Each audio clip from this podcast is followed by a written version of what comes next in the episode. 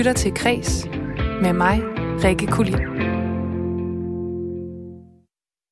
Someone must be able to tell us how these worlds are connected. There's millions of worlds. My father saw this one. Why?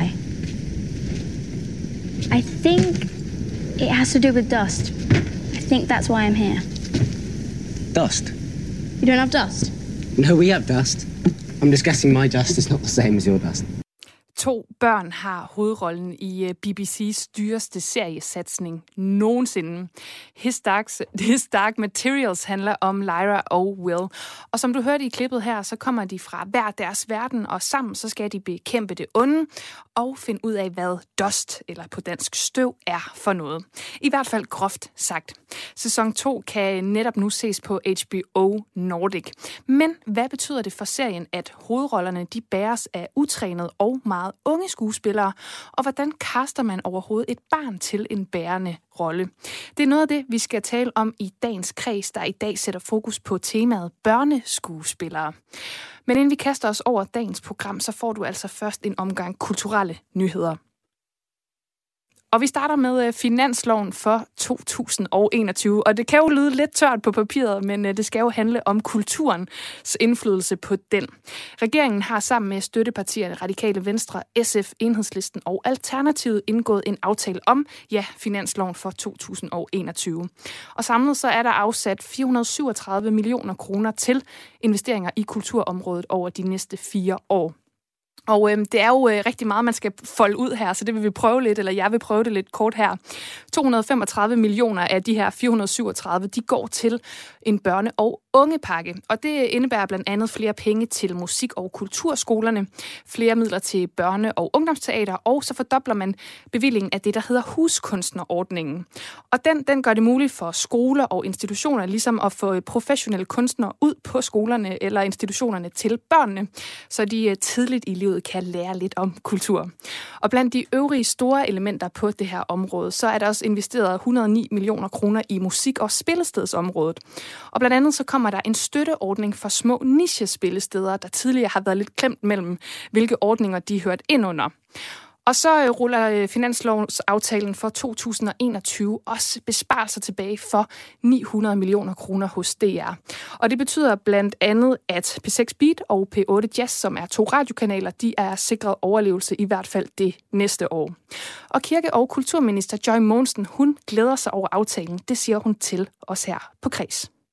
Finansloven for næste år, den sætter historisk mange penge af til kulturen. Øh, næsten milliard til, til medieområdet, som jo ellers har været udsat for at stå over for store besparelser. Vi skal til at have medieforlig, og danske medier er rigtig vigtige for den måde, vi opfatter verden på. Så det glæder mig over. Og så er der jo en, en lille halv milliard til kulturområdet, især med fokus på børn og unge, og få givet dem en god forbindelse til kulturlivet, som jo kan følge dem resten af livet og give rigtig meget glæde. Jeg må nok indrømme, at for mig personligt, så har det vigtigste været at få sat den her dagsorden med, at vi skal give vores børn en mulighed for at komme ind i kulturen, selv prøve kræfter med den, for uanset om det bliver det, de kommer til at leve med eller i, så vil det altid give en værdi at, at vide, hvor man kan søge hen for at få mod, inspiration og trøst. Ja, der er så en masse øh, gode ting at øh, kigge på i øh, finansloven i forhold til kultur, men der er selvfølgelig også nogle områder, som der ikke var plads til at prioritere i den her omgang det er jo klart, at corona har forsinket rigtig mange ting på kulturens område. Øhm, noget af det, som jeg måske gerne havde haft klarhed over, det, det var sådan noget som altså hele museernes øh, øh hvad hedder det, forhold. Men heldigvis har vi fået nogle enkelte bevillinger ind i finansloven, så jeg håber, vi kan lave mere samlet billede af museums Øh, landskabet i det kommende år. Men nu må vi se, hvor, hvor forhåbentlig ud coronaen, så der bliver kræfter til det. Ja, der er altså en masse konsekvenser øh, for øh, forskellige kulturinstitutioner på grund af finansloven. Og vi følger op på en af historierne i morgendagens kreds, hvor vi kigger på Herregårdsmuseet Gammel Estrup, som egentlig stod til at miste 40 procent af sin statslige bevilling. Men med blandt andet Radikale Venstres indblanding, så er museet en af de museer, som øh, Joy Monsen nævnte her, der er blevet bevillet øh, flere penge øh, hen over de næste fire år. Og noget andet, som nok desværre ikke er gået nogens næse forbi, det er jo selvfølgelig, at 38 kommuner, de fra i morgen lukker kulturlivet ned, som følge af de nyeste restriktioner fra gårdsdagens pressemøde. Det kigger jeg på senere i programmet, hvor jeg har talt med kulturordfører for Socialdemokratiet Kasper Sandkær om det politiske valg.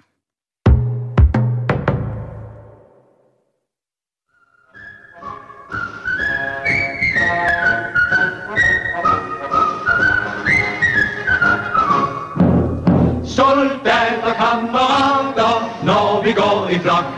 Syng så den der kvikker, selv på nummer chok. Hvis han i spidsen råber, at vi synger støjt. Spids, så i snor den tidligere skuespiller og teaterdirektør Claus Pag, han er tirsdag morgen såret stille ind. Det oplyser hans familie via mail til Ritzau. Og Claus Pag, han blev 85 år gammel, og i sommeren 2018, der blev han altså ramt af en blodprop i hjertet, som han siden har døjet med. Og han blev uddannet på Odense Teaterskole i 1962, og han er så blandt andet kendt fra Soldaterkammerater, filmene fra 50'erne og 60'erne, som du også hørt lidt af lige før. Og her, der blev han altså kaldt den danske James James Dean, grundet sit øh, kvindetække og altså også sine evner foran kameraet. Og senere der blev han direktør for både ABC-teatret, Avenue Teatret og Tivoli Revyen. Og Claus Pags sidste film, det var tilbage i 2007, hvor han spillede med i Thomas Winterbergs En mand kommer hjem. Hvis nu du var, eller måske er på øh, dating-appen Tinder, og ligesom skulle lokke folk til med én sang i din biografi, hvilken en ville du så vælge? Du kan jo øh, tænke lidt over det, men i hvert fald så er det jo sådan, at man har mulighed for at vælge en sang, der ligesom præsenterer ens Tinder-biografi, når man er på den her dating-app. Og jeg kan fortælle, da jeg var på Tinder i sin tid, så var det altså øh, David Bowie, særligt Heroes eller Station to Station, som øh, blev vist frem. Men det er jo årstiden for lister over de mest populære sange diverse steder. Og på Tinder, der er den mest brugte sang på dating-appen i folks biografier den her. In this house. There's some whores in this house. There's some whores in this house. There's some whores in this house. I said certified free. Seven days a week. Wet ass pussy. Make that pull out game weak. Yeah. Ja, det er selvfølgelig øh, den meget øh, sexpositive sang WAP af øh, Cardi B og Megan Thee Stallion. Og i forlængelse af de her mange opsamlingslister, der er her i 2020, så har Tinder delt en liste med de 10 sange, som i det her år altså er blevet benyttet allermest i brugernes biografier på Tinder. Og førstepladsen, den blev altså indtaget her af Cardi B og Megan Thee Stallion. På andenpladsen, der finder man Drake og Lil Durk med Laugh Now, Cry Later på en eller anden måde. Også meget passende. Og på en tredjeplads, der finder man sang sangen Rockstar af The Baby og Roddy Rich.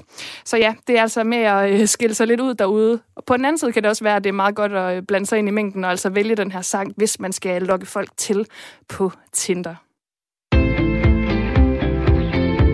Du lytter til Kres med mig, Rikke Kulin.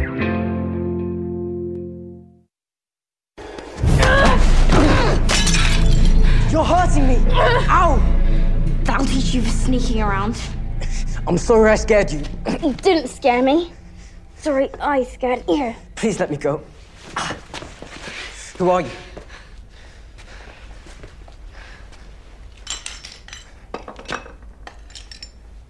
Lara Silvertongue.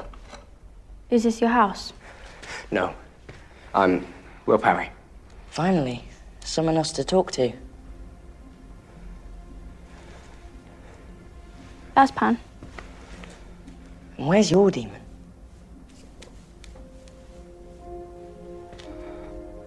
How's it talking? He does know not to touch me, right? That's a talking animal. No, it's not a talking animal. That's my demon. You're what? You don't have a demon? I can't see one. That's impossible. I don't know what you're talking about. No. Come on, Pan. Lara Silvertongue. Wait.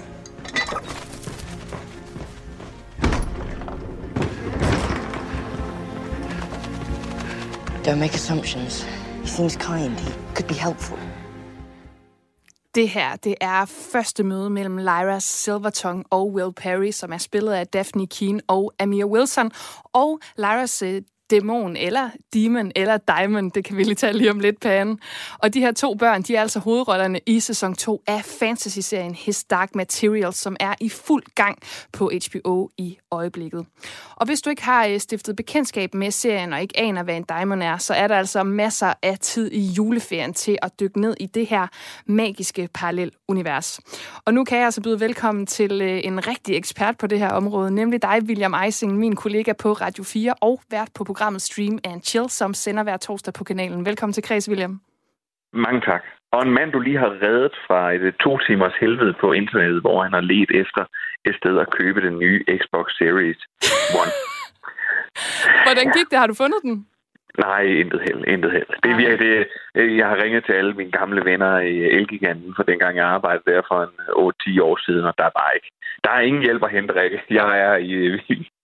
Ej, det, siger... det, det bliver ikke en lykkelig jul i år. Nej, det gør det altså ikke. Det siger også lidt om jeres venskab, at øh, ja, du har ikke holdt det godt nok ved lige på den her tid. Men prøv at høre, William. Ej, nok, ja. Det er så dejligt, at du er med, fordi vi skal jo tale om... Øh, om øh, His Dark Materials. Og det er jo øh, filmatiseringen af Det Gyldne Kompas, som handler om Lyra, som altså lever i et øh, parallelt univers til øh, vores normale, kedelige verden. Men William, kan du ikke lige starte med at sætte nogle ord på, hvad det her er for en verden? Og ikke mindst, altså det danske ord er en diamond, men det engelske, mor, engelske ord er en demon. Hvad går det ud på? Fortæl os alt.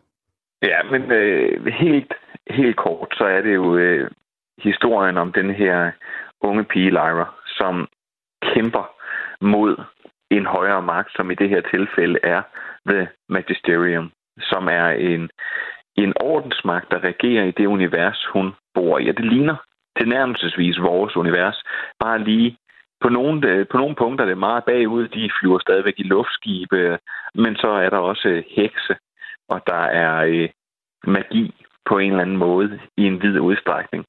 Og så kommer det meget interessante, det er, at man har en demon, som faktisk er en dyreafbildelig afbildelse af ens sjæl.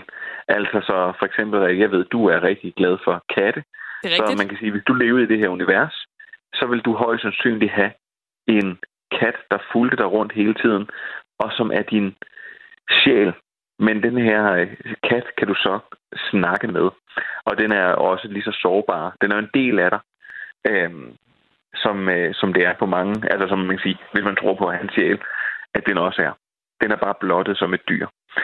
Og vi følger så Lyras kamp mod særligt det her magisterium og jagten på at finde sandheden om, hvem hun egentlig selv er, og hvorfor at hun er så vigtig. Altså, nu nævnte du jo, at min, øh, min der, øh, demon, det vil være en kat. Jeg er jo selvfølgelig også nødt til at høre, hvad vil, hvad vil din være? Åh, ja, det, det ved jeg ikke. Det vil i hvert fald ikke være en slange. Jeg kan ikke lide slanger på nogen måde. Øh, jeg tror, at det, det vil godt være, at det vil være sådan et øh, sådan en myresluger. Ja, jeg sådan, sådan har jeg, engang, jeg har engang set ind i zoologisk have, og jeg kunne sige, at det er simpelthen, det er simpelthen det bedste dyr. Okay, ja, jeg men stod der... bare og tænkte derude, og tænkte, hold kæft, hvor han god. Ja, Ja, men der er ingen tvivl, det er selvfølgelig en myreslur her. Men altså, det er jo simpelthen øh, anden sæson af den her serie, som altså, som jeg vist også fik sagt tidligere, er lavet på baggrund af Philip Pullmans trilogi, Det Gyldne Kompas. Og øhm, genren, det er jo, hvad kan man sige, en klassisk fantasy, men også den her øh, coming-of-age-historie, øh, som vi får. Og altså, nu er vi jo kommet til sæson 2. Hvad er det for en serie, vi bliver introduceret til her? Altså, hvad sker der måske også øh, i øh, kontrast til sæson 1? Ja, men det, det hele er blevet, jeg tror, som, som, som det er, når man starter med at læse de her bøger her, det er jo ligesom, når man har startet med at læse Harry Potter, for eksempel. Øh, det synes jeg er en meget, meget fin parallel til det, for det er noget, folk kender. Og de første par bøger i Harry Potter og sådan, den del af universet, er ikke voldsomt uhyggelig. Det er jo designet til unge mennesker, men, men ret hurtigt bliver øh, His Dark Materials, kan man sige, det er jo allerede anden del, vi går i gang med her nu. Og den bliver ret, øh, den bliver ret øh, hård. Der er nogle øh, hårde scener, skulle jeg sige. Så det er ikke sådan en børneserie på den måde, og vi bliver... Jeg prøver at væve sådan lidt om generelt indholdet af serien, fordi jeg synes ikke, at jeg skal ødelægge det, hvis folk ikke har fået set det. Fordi det er en rigtig, rigtig god serie. Men, men den, er, den tager et, et, et dybere dyk ned øh, i det, som i det her univers her, og den øh, begynder at koble nogle af de her univers, altså nu siger du et parallelt univers, den begynder at, at sammenkoble de her parallelle universer med hinanden. Og det, og, og det vil jeg sige, for, for mig har, de, øh, har sæson 2 faktisk været væsentligt bedre end, øh, end, end sæson 1, indtil videre i hvert fald. Og det er jo altid en glædelig overraskelse, hvis man også har været glad for den første sæson, det der med, at det rent faktisk kan blive bedre. Men William, du nævner jo lige det her med, at øh, det, kan godt være, at der er en masse børn med i den her serie, men det er egentlig ikke for børn, hører jeg dig lidt sige. Altså, hvem er den her serie for? Er det en serie om børn for børn, eller er det mere en serie med børn for alle aldre, eller måske faktisk mest for de voksne? jeg vil sige, det kommer meget ind på, hvornår man mener, øh, børn er børn. Øh, jeg tror, det her det er i hvert fald ikke en, det er ikke en, så en, øh, en film, eller en, en serie for de mindste. Ligesom at for eksempel øh, den originale film, der kom, som kom tilbage i 2007, som hedder Det Gyldne Kompas, og som mange nok kender, og som var en frygtelig, frygtelig film, fordi den simpelthen vidderligt døde i klipperummet. Øh, fordi man, altså, det er jo, der er jo temaer her, der berører Gud og øh, kristendom og sådan Det vil man bestemt ikke have, dengang man lavede den i Guds eget land i tilbage i 07. Men den her serie, synes jeg, henvender sig til øh, skulle sige, øh, teenagerne øh, fra en øh, 12-13 år op efter, som vil kunne spejle sig i Lyra, men så også helt op til gamle øh, fantasy-nørder som øh, mig selv. Men jeg ved også, at min mor, hun, øh, hun øh, synes, at den serie her den er god, fordi den, den har det her eventyr i sig. Altså, du nævner jo her, at øh, det er både for, ja, måske øh, coming of age-alderen, altså den her sådan teenage-alder, ja. men også for dig som voksen og din mor, der nok er lidt ældre end dig i hvert fald. Men vi kigger jo også lidt på, lidt på børneskuespillerne i, øh, i dagens program. Og jeg ved jo, og det ved jo alle, der lytter til Stream Chill og Radio 4, at du jo ser usandsynligt meget fjernsyn, William. Og derfor ja. så, øh, så har du en stor database at tage af, så jeg er sådan lidt nysgerrig på, hvordan du sådan generelt har det med børneskuespillere. Altså, det er jo en, øh, en ung alder at træde ind og øh, måske løfte så store opgaver, også som en serie her. Hvordan er dit forhold til, til børneskuespillere? Altså, jeg vil, jeg vil sige det på den her måde. Min far, øh, han øh, er, er kok, og han sagde engang noget, der var meget klogt. Han sagde, Øh, børn og øh, hunde er ikke velkomne i restauranten. De øh, stinker af urin og har ikke nogen penge.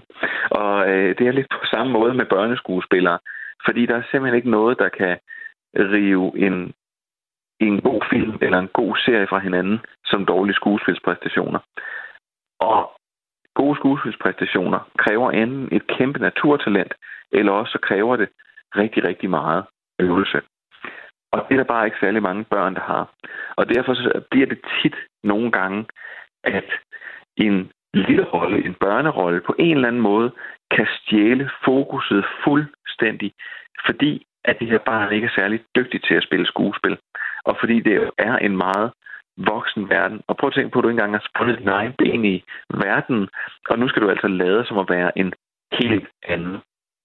Når det er så sagt, så står den her serie, den står og falder med, at Daphne Keen, der spiller Lyra, at hun kan være, hvad hedder det, at hun kan være voksenrollen. Og derudover også Kit Connor, der er, spiller hendes øh, demon, at han kan, hans stemmeskuespil kan, ligesom kan løfte den her. Og nogle gange, som jeg sige, så øh, uh, Kit Connors opgave, synes jeg er relativt nem, fordi ham ser man ikke.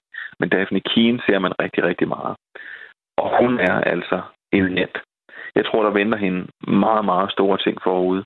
Fordi lige her, så, så er de i hvert fald ramt hovedet på sømmet med en, en, en pige, der spiller meget, meget ældre, end hun er. Altså, og kan, og kan påtage sig også det ansvar, som er en hel serie. Men det er jo interessant det her med, altså det er jo ofte i, øh, i fantasy-bøgerne, at vi ser øh, øh, børneskuespillere, altså Narnia, Harry Potter og Game of Thrones for den sags skyld også, og så også måske mere over i noget øh, sci-fi, altså Stranger Things. Altså der er jo også masser af gode børneskuespillere derude, og sådan, jeg tænker på min egen præstation, der skal vi helt tilbage til slut 80'erne, hvor øh, Barbara Topsø Rodenborg, hun spillede, spillede Nana. Øh, altså hvad kan jeg sige, det er jo den bedste præstation nogensinde. Hun overskyggede fuldstændig alle andre, så jeg er bare lidt nysgerrig her til sidst. Har du en, en favoritpræstation nogensinde fra, fra et, øh, et barn? Altså, jeg må faktisk sige, at, at øh, grunden til, at jeg i første omgang så His Dark Materials, var fordi, at jeg rigtig gerne ville have skal sige, jeg ville rigtig gerne se, hvad den bog kunne blive til, når den nu ikke kunne blive til en god film i 2007. Øh, og så så jeg den også fordi at jeg faktisk øh, havde set, øh, at jeg har set Daphne Keane tidligere i et film, der hedder Logan fra 2007, hvor hun spiller over øh, for, øh, øh, hvad hedder det, hvor hun spiller over, øh, hvad, hvad søren er det nu, han hedder, skulle jeg sige. Hun spiller over for ham, der spiller Wolverine. Det er simpelthen lige røget ud af mit hoved. Det er Hugh Jackman. Det er, øh, hvad siger du? Det er Hugh Jackman, ja, selvfølgelig. Hvor hun spiller over for Hugh Jackman i den her sådan ret noir agtige X-Men-film. Og der stjæler hun virkelig øh, der stjæler hun virkelig filmen. Og der blev jeg virkelig opmærksom på hende for første gang. Og så fandt jeg ret hurtigt ud af, at hun derefter hun skulle være med i His Dark Materials. Så jeg har ikke sådan jeg har ikke en rigtig favorit børneskuespiller. Jeg kan fortælle dig, at jeg synes for eksempel, at nogle af de skuespillere, der er i Stranger Things, ret hurtigt kan man se, at den her serie, den simpelthen er vokset fra dem. At de ikke er dygtige nok. Øh, det er jo min egen personlige holdning. Øh, men, men jeg synes, at man godt kan se, at det, det, det de er ikke gode nok til sådan, de her mere komplekse roller. Om det så er, hvad der er skrevet til dem, eller hvad de spiller, det er jo så det. Men, men jeg synes, at i, i lige det her tilfælde, så synes jeg faktisk, at Daphne Kina er en af dem, man kan fremhæve som et rigtig, rigtig godt eksempel på en rigtig, rigtig dygtig børneskuespiller. Og det vil vi jo så gøre her til sidst. Prøv at høre uh, William Eising, vært på Stream and Chill her på uh, Radio 4. Tusind tak, fordi du var med og uh, gav os dit syn på ja, både den her serie, men også på uh, børneskuespillere generelt. Vi snakkes ved. Det gør vi i hvert fald. Og senere i programmet, så skal jeg tale med en dramaturg fra Aarhus Teater, som blandt andet har haft fingrene helt ned i castingprocessen til Charlie og Chokoladefabrikken, som får premiere på teateret til maj. Du lytter til Kres med mig, Rikke Kulin. Kulturinstitutioner, teatre, spillesteder, museer, biografer og biblioteker skal holde indendørs arealer lukket. Sådan lød det øh, i går fra statsminister Mette Frederiksen, da hun holdt pressemøde. Og nedlukningen af kulturlivet, den gælder altså fra i morgen, onsdag den 9. december, og så til og med den 3. januar næste år. Og den omfatter altså 38 af landets kommuner. Og ja, som øh, kulturgænger, så er det jo øh, det er ikke til at bære, synes jeg, blandt andet når man har set øh, eksempler på, at ingen mennesker i hele verden, de er øh, smittet med corona gennem i en biograf. Det er der en, øh, en undersøgelse fra øh, et engelsk filmmagasin, som viser, som øh, jeg ligesom tyder på, at folk passer rigtig, rigtig godt på, når de går i øh, biografen. Men selvfølgelig så øh, er øh, en delvis nedlukning nødvendig for, at vi kan holde smitten nede. Og tidligere i dag, der øh, talte jeg med Kasper Sandkær, som er kulturordfører for Socialdemokratiet. Og jeg spurgte ham, spurgte ham først og fremmest om, hvordan han selv har det med den her nedlukning. Jamen, det er selvfølgelig enormt øh, beklageligt. Øh, det har jo efterhånden været et langt år, øh, og er der noget, vi har brug for, så er det jo virkelig at være sammen og opleve noget sammen. Men der er bare ingen tvivl om, at den situation, vi står i lige nu med en, en, en kraftig udvikling i smittetallene, øh, flere indlagte, øh, en forventning om, at vi får endnu flere smittede og indlagte over de kommende uger, så, så er der ikke andet at gøre, end at bremse op og, og holde os til det allermest nødvendige kontakt. Men hvilke overvejelser er det, der ligger bag den beslutning, at kulturlivet omfattes i så stor en grad af nedlukning i, i modsætning til, til andre industrier? Jamen, der ligger selvfølgelig den øh, overvejelse, at det er der, hvor vi samles mange mennesker. Øh, det er øh, de rammer, hvor det kan være svært at, at opretholde den øh, sociale kontakt, øh, holde god afstand, øh, god hygiejne øh, osv. Og så er der selvfølgelig også den overvejelse, og det er jo bare for at være helt ærlig, at vi jo nok hellere vil holde daginstitutionerne og de små klasser i, øh, i skole åbent, øh, holde arbejdspladserne åbne øh, af hensyn til økonomien, end, øh, end at holde kulturlivet åbent. Vi kan ikke holde det hele åbent øh, på én gang, øh, og derfor er vi jo nødt til at prioritere.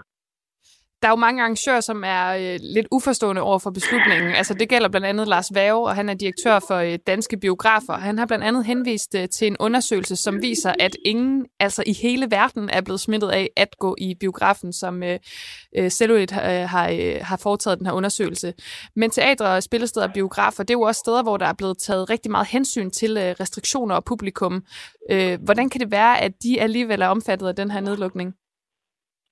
Ja, jeg kender ikke lige den, den konkrete undersøgelse, så det vil jeg helst ikke øh, øh kommentere på. Der er ingen tvivl om, at rigtig mange af vores kulturinstitutioner, biografer, spillesteder, teater og mange andre har været rigtig gode øh, til at sikre afstand og sikre, at retningslinjerne kunne, kunne overholdes. Men det ændrer sådan set ikke på, at når vi lytter til, til sundhedsmyndighederne, så er de sådan set meget klare i deres anbefaling. Det er der, hvor vi samles mange mennesker, hvor at der er øh, en risiko for, for smittespredningen. Og her er kulturlivet jo bare et af de steder, hvor vi øh, normalt samler mange mennesker. Men det er jo også øh, højsæson for teater og biografer, som lige nu viser juleforestillinger og julefilm, som altså ikke kan øh, skubbes frem i programmet. Det er jo en branche, som allerede lider og har lidt rigtig meget på grund af nedlukningen tidligere i år. Hvilke konsekvenser forudser du, at den her nedlukning den får på lidt længere sigt? Ja, der er jo ingen tvivl om, at så længe at der er øh, restriktioner, som både indtil nu har gjort, at man må begrænse antallet af publikum, og, og i hvert fald for, for, for de næste uger betyder, at man er helt lukket i, i, en, i en række af landets kommuner, så skal vi selvfølgelig også stå klar med, med kompensation, der, der dækker det økonomiske tab. Øh, og så ligger der jo en stor opgave, når vi er på den anden side af coronavirusen, når vi har fået vaccineret øh, befolkningen, øh, at vi så skal have genåbnet og kickstartet øh, vores øh, kulturliv. Det har vi jo allerede i finansloven øh, afsat penge til øh, en, en kickstart af, af oplevelsesøkonomien, og det kommer vi jo fortsat til at have et fokus på. Hvordan er det, at vi får øh, alle godt på fod, øh, når at vi er over øh, pandemien? Men hvordan forholder du dig så til de her konsekvenser? Altså jeg tænker på, hvornår får institutioner og også publikum, som blandt andet har købt billetter til, øh, til de her institutioner, vidsthed om de her kompensationsordninger, som du nævner? Jamen, vi har jo sådan set allerede nu aftalt en række kompensationsordninger, som vi løbende har forbedret siden, øh, siden øh, vi, lukkede, øh, vi lukkede ned i, i marts. Så derfor har vi sådan set i dag et rimelig fint masket net øh, spændt ud, der også langt hen ad vejen tager højde for den situation, vi står i. Øh, nu hvor nogle er tvangslukket, andre øh, har kan man sige, begrænsninger på, hvor mange mennesker der kan være inde. Dermed ikke sagt, at vi ikke kan få brug for at forbedre dem øh, yderligere, men allerede nu ligger der kompensationsordninger, som kulturinstitutionerne øh, kan søge. Øh, både dem, der er tvangslukket, dem, der har øh, faldende øh, indtægter, dem, der er i, i fare for konkurs, øh, er der alle sammen kompensationsordninger til, som, som er åbne i dag. Og hvad så med kulturforbrugerne? Skal de væbne sig med tålmodighed i forhold til at få vidsthed om, hvad, hvad de skal gøre med de billetter, de har købt? Ja, det tror jeg desværre jo er, er, er den virkelighed, vi, vi befinder os i, at vi alle sammen er nødt til at begrænse vores sociale kontakt, vores omgang, øh, vores oplevelser øh, for en stund. Det, der er jo ikke noget, vi heller ville, end at vi alle sammen kunne komme ud og mærke det øh, fællesskab, der er i vores kulturliv og vores, vores foreningsliv, men det er tiden jo desværre bare ikke til øh, lige nu. Og, og i forhold til det konkrete med dem, der har, har købt billetter, øh, der er det jo op til den enkelte institution, hvordan man håndterer det og hvilke betingelser der har været, men, men udgangspunktet er jo, at man, man får refunderet sine billetter, hvis det, man har købt billet til, ikke bliver afholdt. Og så er det her jo ikke kun et uh, spørgsmål om økonomi, men faktisk også et spørgsmål om indhold i uh, rigtig, rigtig mange danskers liv. Og under sidste nedlukning tilbage i maj, der havde vi uh, Cecilie Strågaard, som er kulturforbruger i studiet, for lige at sætte ord på sin frustration over nedlukningen af kulturlivet. Jeg spiller lige lidt for dig her, og så, så vender jeg lige tilbage til med et spørgsmål. Altså for mig som almindelig kulturforbruger, så, øh, så savner jeg de her kulturoplevelser. Jeg savner øh, noget input i mit liv. Vi er så meget derhjemme lige nu, og det er vi jo af en meget vigtig årsag og en vigtig grund, og det skal vi også respektere. Øhm, men vi kan sagtens tage ud og opleve nogle kulturoplevelser sammen på afstand. Altså, vi kan godt gøre det inden for, øh, hvad pandemien ligesom tillader. Lige præcis museerne, og det er jo også det, der er blevet talt meget om i medierne, Øhm, det er jo et rum, hvor øh, museerne i Danmark har, er ofte meget, har ofte mange arealer, øh, de store rum. Øhm, og det er også et sted, hvor de har mange vagter ansat, så de kan ligesom kontrollere menneskemængder. Og så synes jeg, det er ærgerligt, at øh, vi ikke kan komme ind og se nogle af de her udstillinger, vi har glædet os til. Vi kan godt øh, berige os selv med noget kultur derhjemme. Vi kan se en masse spændende øh, tv-serier, vi kan læse nogle gode bøger, vi kan læse i avisen, og vi kan lytte til radioen og alle mulige ting. Men vi får ikke de der sanseoplevelser, og vi får ikke de der dialoger om kulturen. Øhm, og det savner jeg, og det må jeg sige, det savner jeg, fordi at det er noget af det, der giver mig indhold i min hverdag og i mit liv.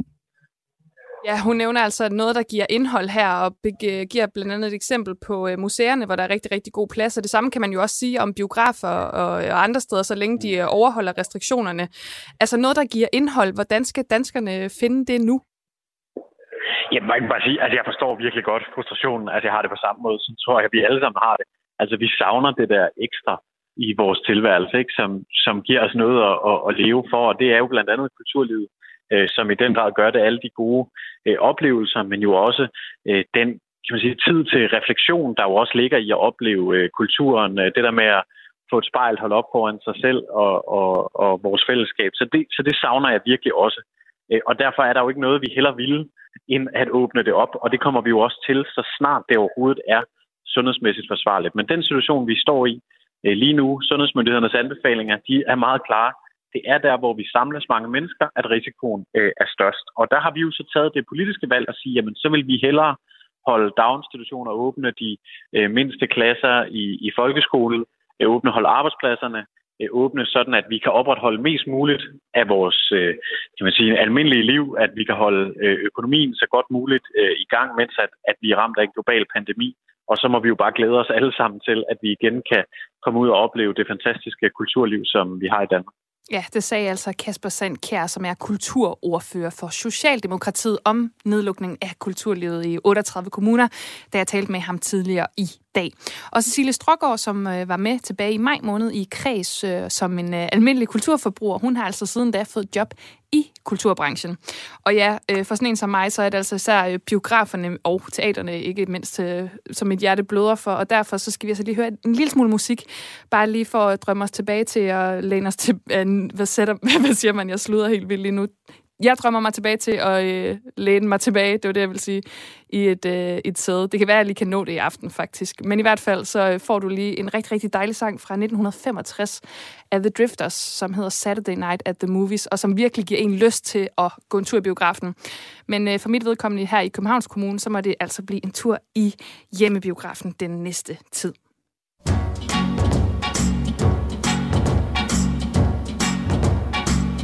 Well, Saturday night at 8 o'clock, I know where I'm gonna go. I'm gonna pick my baby up and take her to the picture show.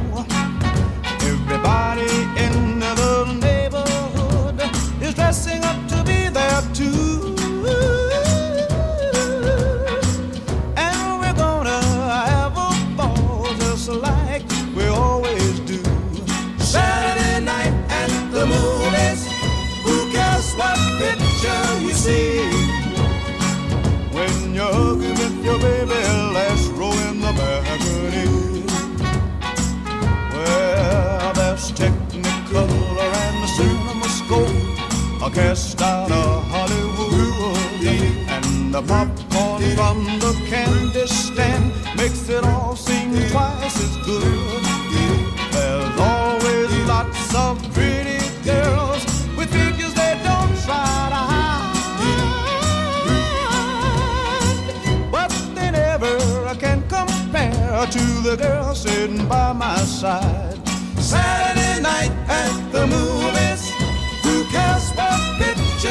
See? When you're with your baby, last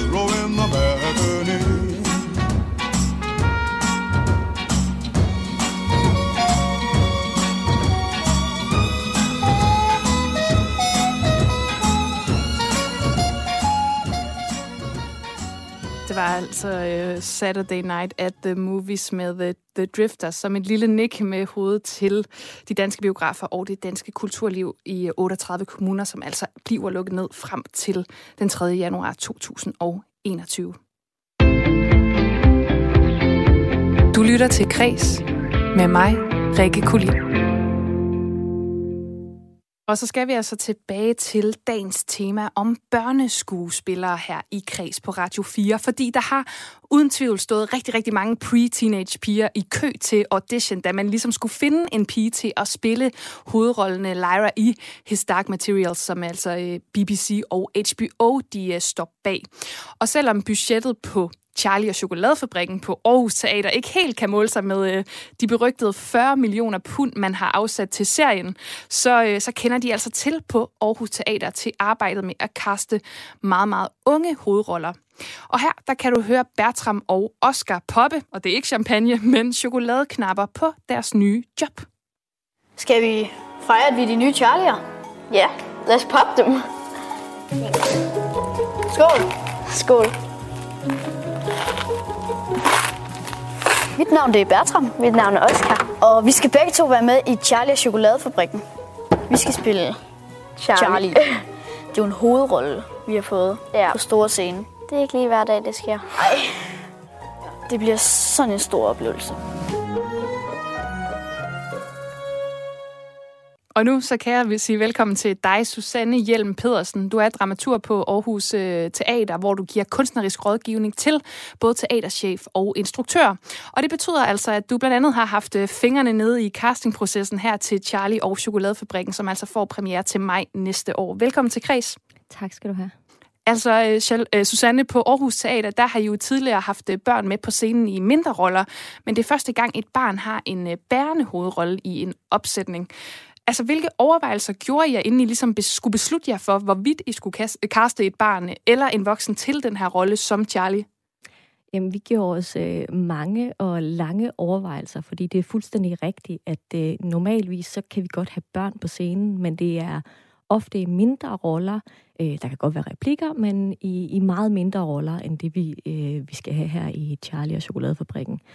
Så øh, det er også på den måde nyt territorie for os.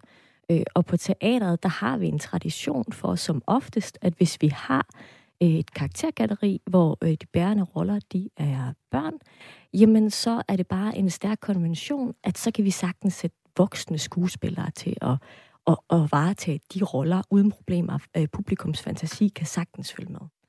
Men, men, øh, men øh, og det er noget, vi også nogle gange gør, for eksempel i vores øh, familieforestillinger. Men Charlie øh, var bare lidt speciel.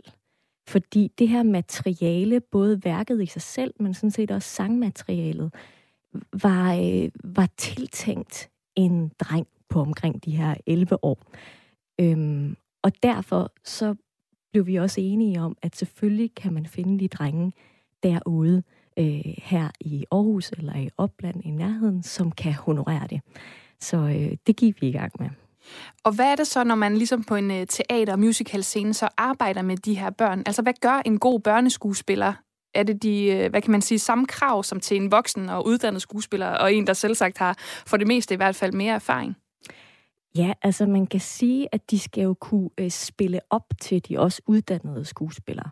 Så på den måde er det jo de samme krav. Altså, vi regner med, at, eller vi ved, at dem, vi har øh, valgt til, til Charlie, de kan godt spille skuespil. De har det sanglige potentiale og alt det, der skal til for at udfylde de her roller her. Men det er klart, at når vi finder et barn, så har de jo ikke den samme øh, håndværksmæssige baggrund, som en uddannet skuespiller vil have. Så derfor har det også været vigtigt for os, at vi har kunne se at med det samme, at her er altså noget naturtalent, noget råstof. Øh, og for det skal der være, fordi deres, øh, deres læringskurve er simpelthen øh, højere, og det går hurtigere end for de skuespillere, der er vant til øh, at stå på en teaterscene, og som har haft en, og som har en uddannelse i bagagen. Så på den måde, så forventer vi egentlig det samme, fordi en del af det her skuespillerensemble, men de skal, at vi skal bare virkelig tydeligt kunne se det her øh, råstof. Du nævner det her råstof, men er det ikke også en fordel, altså faktisk alt det, som adskiller barneskuespilleren fra voksenskuespilleren, at det måske netop er mere umiddelbart og ja, naturtalent, og så kan det godt være, at man ikke er lige så, hvad skal man sige, dannet af at have gået på en uddannelse eller, eller et eller andet, men er det ikke også fordelene ved at, at have et barn, at der er måske lidt mere naturlighed og umiddelbarhed? Jo, det har du helt ret i, og det er jo den anden del af det. Altså lige præcis her til Charlie-rollen. Charlie har sådan en, en, øh, et rent hjerte og en uspoleret fantasi.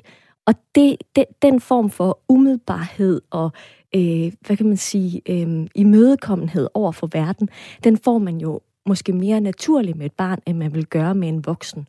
Og så er der også bare noget med, at når vi har valgt Bertram og Oscar, så handler det jo også om, jamen de to, de er en Charlie. Når vi har set dem, så har de faktisk en Charlie-type i sig. Øhm, så, så på den måde, så kan man sige, ja, de skal spille skuespil, men de har simpelthen også noget, som ligger naturligt hos dem, som honorerer den kvalitet eller den karakter, som, som Charlie har. Og I har jo simpelthen øh, fundet jeres Charlie her, men I havde ligesom besluttet jer for, okay, Charlie skal spilles af, af et barn. Jeg er jo ret nysgerrig på den castingproces, der så er. Hvordan øh, foregår den? Ja, Jamen, fordi det er en større rolle, end vi normalt øh, Øh, vil begive os ud i i forhold til børn, jamen så har den castingproces også været øh, desto længere øh, og øh, desto mere grundig. Og den er også blevet lidt længere øh, på grund af corona, selvfølgelig. Vi har måttet øh, rykke nogle ting i den her scene. Så vi startede faktisk for næsten et år siden. Og vi startede på den måde, at vi sendte et call eller et opslag ud, og sagde, at vi altså vi søgte øh, drenge til at varetage øh, Charlie-rollen. Og så havde vi sådan set en, en tostrenget strategi. Den ene var selvfølgelig at prøve at få det her opslag ud så bredt som overhovedet muligt, ved egne kanaler og hvad vi ellers havde til rådighed.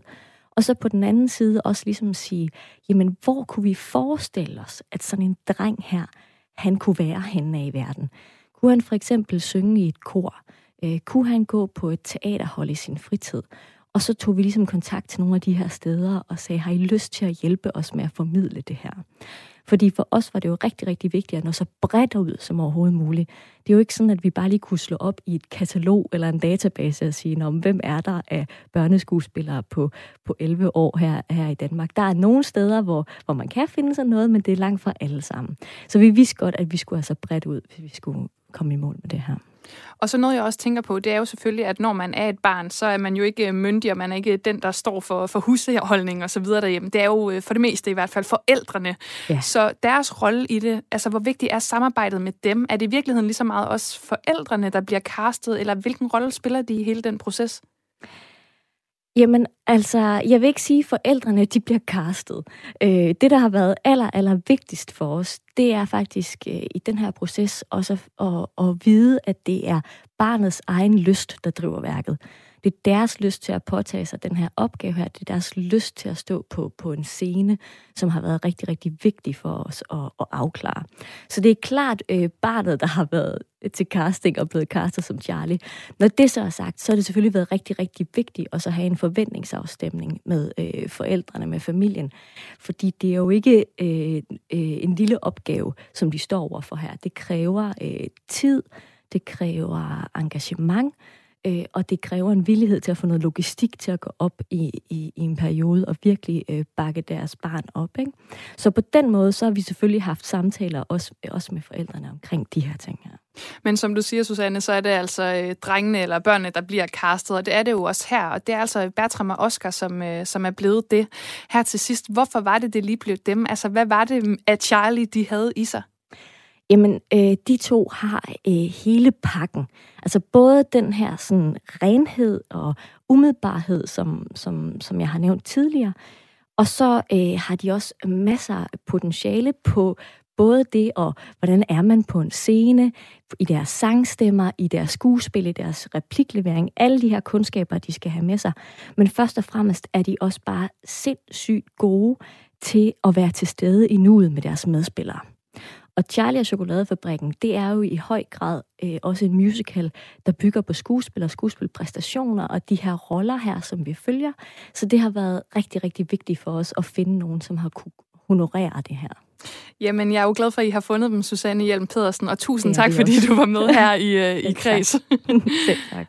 Og Charlie og Chokoladefabrikken kan altså ses uh, næste år på Aarhus Teater fra den 6. maj til den 13. juni.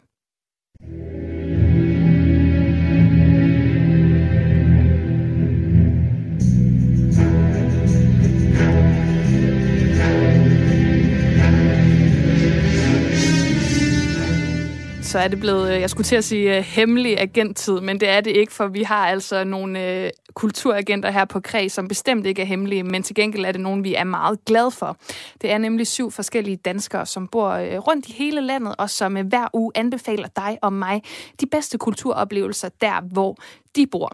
Og i dag der skal vi en tur til øh, Østjylland, hvor vores kulturagent Mathilde Reinicke Fællesen, hun øh, bor. Velkommen til Kreds, Mathilde. Tak skal du have. Mathilde, sidst du var med i øh, slutningen af oktober, der var det jo øh, biografen i Malling, som du var meget begejstret for.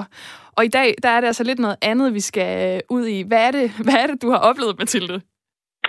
Øhm, ja, jeg har været for lidt den her gang. Jeg har ledet lidt efter noget jul her i øh, corona-landskabet af, af lukkede julemarkeder og sådan nogle ting. Og så har jeg prøvet at kigge lidt uden for Aarhus, så jeg har været øh, nede og besøge fængslet i Horsens som, øh, som jeg havde set på Facebook, havde pyntet op til jul. Ja, og hvis vi lige skal sætte lidt kontekst på, så er det altså øh, Horsens statsfængsel, hvor der egentlig normalt er julemarked, men i år så, øh, så har de lavet det lidt om, så der er det her, øh, der er jo selvfølgelig fængselsmuseet, og det har åbent for julehygge, og det er frem til den 20. december, og der kan man ligesom komme ind og opleve julepynt og historier om at holde jul i fængslet. Men der er også noget udenfor, og det var det, du besøgte, så vidt jeg kan forstå. Er det ikke rigtigt? Jo, men det er rigtigt nok. Jeg, altså, jeg, jeg havde set på Facebook, at, at man kunne ligesom komme ned, og så, så sådan, øh, jeg forstod det som sådan en øh, substitut for det der fede julemarked, øh, som jeg har hørt fængslet har. Jeg har ikke været på deres julemarked, men jeg har været til deres middelaldermarked og sådan noget. Jeg ved, de plejer at slå, slå brødet altså, virkelig stort op, øh, og det kan man jo ikke i år, men jeg tænkte, at, at jeg vil ligesom gerne jeg vil gerne have noget julestemning og noget julelys, så jeg har inviteret et par veninder med ned og, og kigge på det her øh, snekøbing, øh, som, som skulle være i Nordgården, øh, uden for fængselsmuseet på selve fængslet.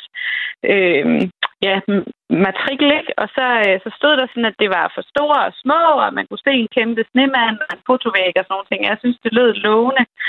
Øh, så, så afsted med os. Øh, vi havde ikke tid til i år at se museet. Jeg har været på museet før, og det ved jeg virkelig er, er godt, og de har jo også pyntet op. Men, men det var ligesom den udendørs øh, lysoplevelse, vi, øh, vi tog afsted for. Ja, og det var altså den her øh, Nisseby, som du siger rigtig nok ligger i øh, Nordgården, hvor, øh, hvor den hedder Snekøbing. Men mm. jeg ved, ja, normalt så er det jo sådan, hvis man har lyttet med her på Kreds og fast lytter, at øh, i Kulturagenda, I giver jo sjældent under fem eller seks øh, ud af, eller, det er jo ikke stjerner, det er jo lidt forskelligt fra gang til gang, hvad det er, men altså på vores mm. lille karakterskala.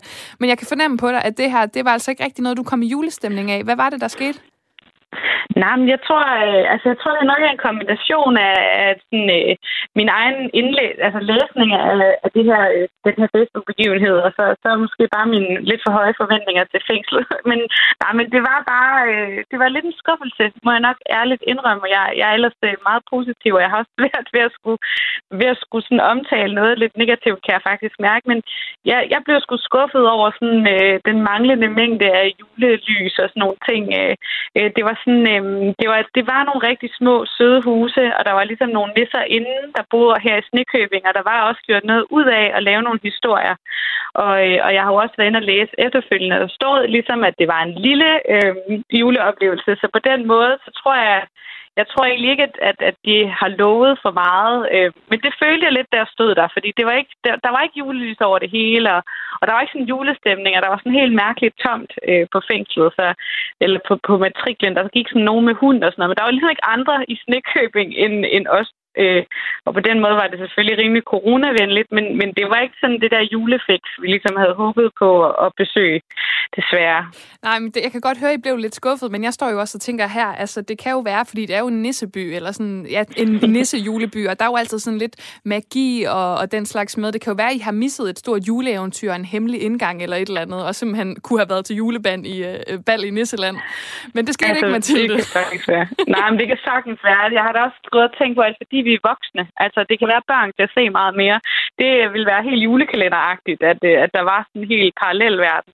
Men, men, men det vi så, altså vi tog nogle billeder ved den flotte fotovæg. Det må jeg sige. Altså, der var nogle fine rammer, og vi tog et sjovt billede, og, og vi, vi nød også at læse de små søde historier om nisser, der godt kunne lide nissebajer, og som kom fra USA. Og altså, der var gjort lidt ud af det for børnene, men, men jeg synes, at magien den manglede lidt, øh, og, og derfor så, så blev vi faktisk heller ikke at spise æbleskiver på matriklen, men vi tog ind til Horsens bagefter i stedet for. Øhm, der havde jeg hørt fra en kollega, at der var virkelig fået julelys op. Øh, så, så vi kørte simpelthen videre øh, i Horsens by for at finde lidt flere julelys. Ja, altså det synes jeg jo, det er jo meget voksenagtigt. Jeg kan faktisk rigtig godt lide det her med, at du siger, at det er måske for de små, og det er jo meget julekalenderagtigt, og i dag handler det jo også i dagens kreds om børneskuespillere og børns oplevelse af verden, så på den måde, så er det jo perfekt simpelthen. Men I voksne, I, øh, I opgraderede altså oplevelsen her, og tog ind, som du siger, til Horsens Midtby. Og hvad var det, der ventede dig her? For det lyder som om, at det ligesom har gjort hele oplevelsen lidt bedre.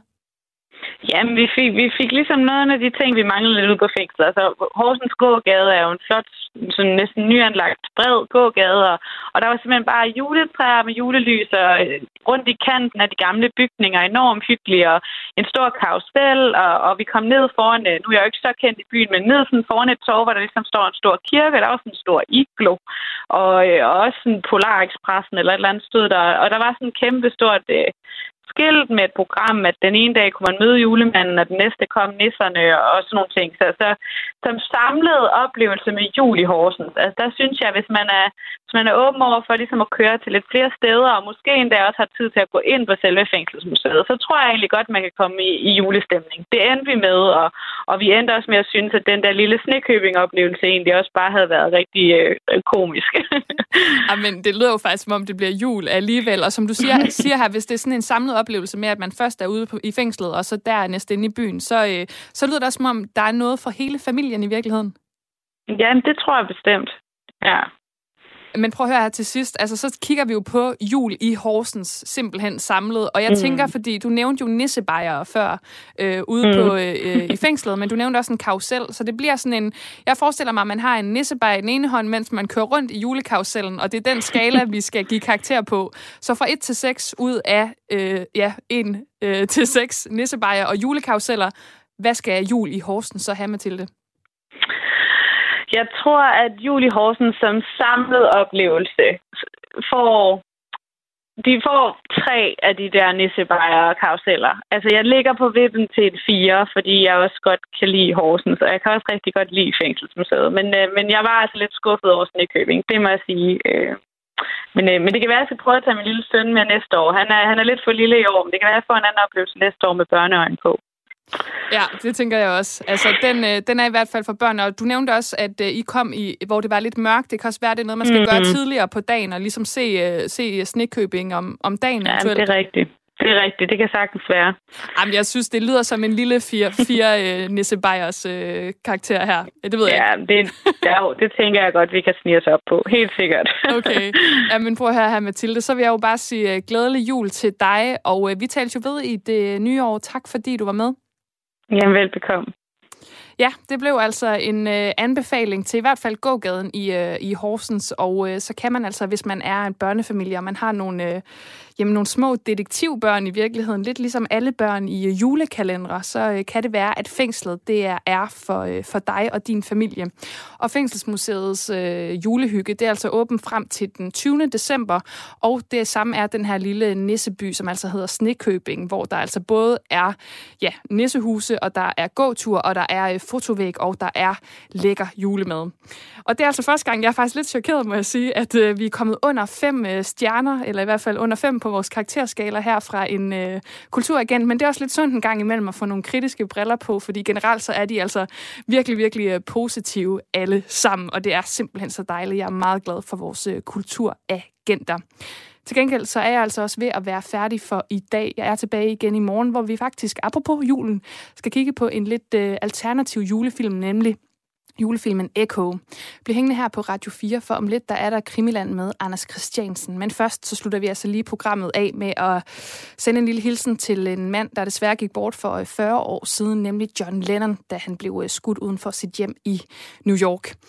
John Lennon selv, han øh, blev 40 år, og øh, ham siger vi altså lige, øh, giver vi lige en hyldest her til sidst i øh, dagens kreds. Og øh, man må jo sige, at han har rimelig mange fantastiske øh, sange at vælge imellem i sit øh, bagkatalog. Her, kan jeg lytte til sidst, så får du en af mine favoritter fra øh, Beatles for Sale. Det er et album fra 1964, og på den, der er der et skønt, skønt nummer, som hedder 8 Days a Week. Vi lytter ved igen i morgen.